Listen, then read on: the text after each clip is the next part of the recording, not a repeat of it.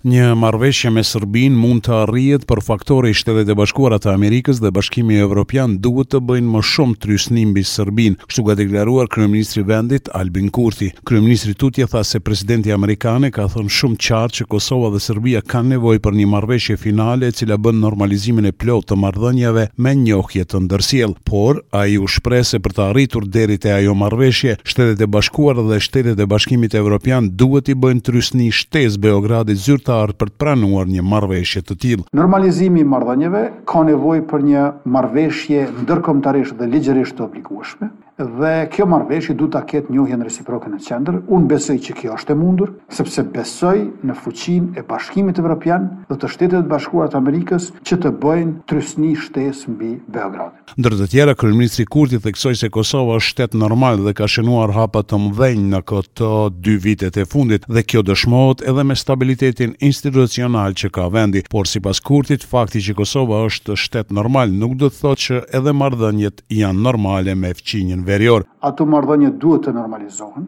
mirëpo ne jemi të bindur që këto marrëdhënie nuk janë normale për shkak se siç e ka cilësuar edhe Freedom House, Serbia është regjim hibrid, që është një lloj eufemizmi për autokraci. Kryeministri foli edhe për deklaratat e presidentit serb Aleksandër Vuçiq se nëntë shtetet kanë hequr vendimin për njohjen e pavarësisë së Kosovës. Ai deklaroi se asnjëri prej pretendimeve që e kanë dhënë në Beograd nuk është vërtetuar nga Ministria e Punëve të Jashtme e Kosovës. Kryeministri ka folur edhe për propozimin franko-gjerman, për të cilin tha se i ka pëlqyer Fakti që propozimi ka nocione, koncepte universale, siç janë integriteti territorial, sovraniteti, pavarësia, barazia, sundimi i ligjit e vetëvendosja, por si duket këto i kanë penguar më së shumti Beogradit dhe pikërisht për ta ambalazhuar refuzimin e këtij propozimi, serbët dhanë dorëheqje prej institucioneve në Kosovë dhe me barrikada në njërën anë dëshiruan ta territorializojnë çështjen e të ashtuquajturit shkëmbim. territorial. Konsideroj që propozimi franko-gjerman apo i Bashkimit Evropian, i mbështetur nga Shtetet e Bashkuara të Amerikës,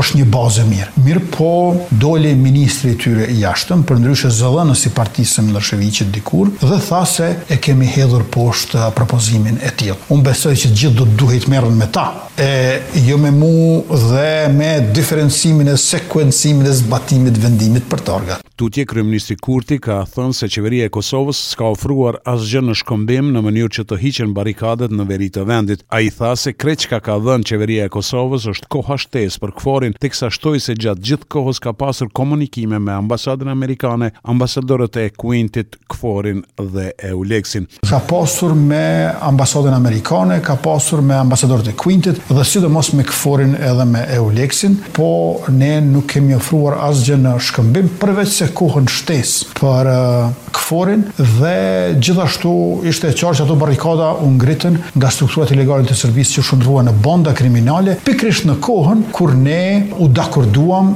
T'i shtyjmë për prill të vitit dy mijë e njëzet e tre zgjedhjet në katër komunat në veri. Mu atëherë kur ne e bëmë një koncesion, ata i ngritën barrikadat, sepse kishin ngelur pa pretekst. Tutje Kurti ka thënë se Policia e Kosovës do të ndërhynte për t'i hequr barrikadat para Vitit të Ri nëse ato nuk do të hiqeshin, teksa shtoi se barrikadat edhe u vendosën edhe u hoqën nga frika. Në fund, kryeministri Kurti ka deklaruar se në muajin janar do të presin vizita të të gjithë emisarëve atij evropian, amerikan nga Berlini dhe nga Parisi, siç thotë Kurti për t'i dhënë një hov të ri dialogut për marrëveshje. Gjatë janarit pritet të ketë intensifikim të dialogut ndërmjet Kosovës dhe Serbisë, por do të jetë i vështirë realizimi i një takimi të nivelit të lartë në Bruksel. Kështu vlerësojnë njohës të rrethanave politike në vend, profesori i marrëdhënieve ndërkombëtare, Valon Murtezaj, thotë se për Kosovën është shumë i rëndësishëm procesi i dialogut për shkak se nga rezultatet në këtë dialog varen shumë procese integruese. Procesi i dialogut është një prej çështjeve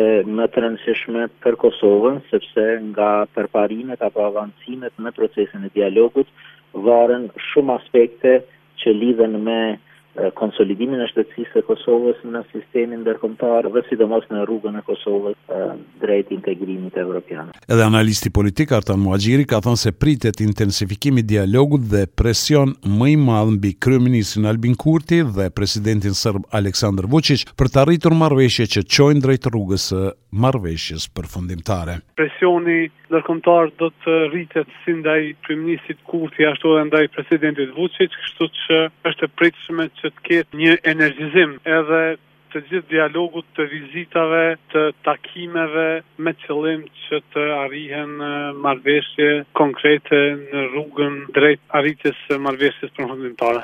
Ndryshe, kryeministri Albin Kurti ka deklaruar disa herë se në muajin mars Kosova dhe Serbia pritet të arrijnë marrëveshje pa specifikuar nëse bëhet fjalë për marrëveshje me njohje reciproke. Në anën tjetër, ndërkombëtarët kanë shtuar presionin ndaj palës kosovare për të formuar Asociacionin e Komunave me Shumicë Sërbe. E për dialogun, analisti Blerim Burjani thotë se tema e asociacionit nuk duhet të shtrohet më.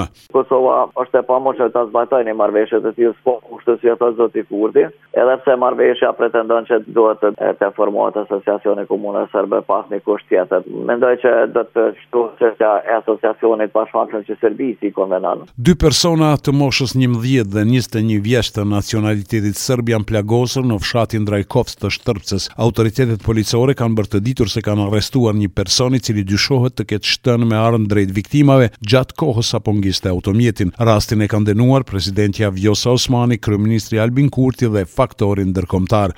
Raportohet se të plagosurit janë jashtë rrezikut për jetë. Për Radion SBS, Mendu Hysa, Prishtinë.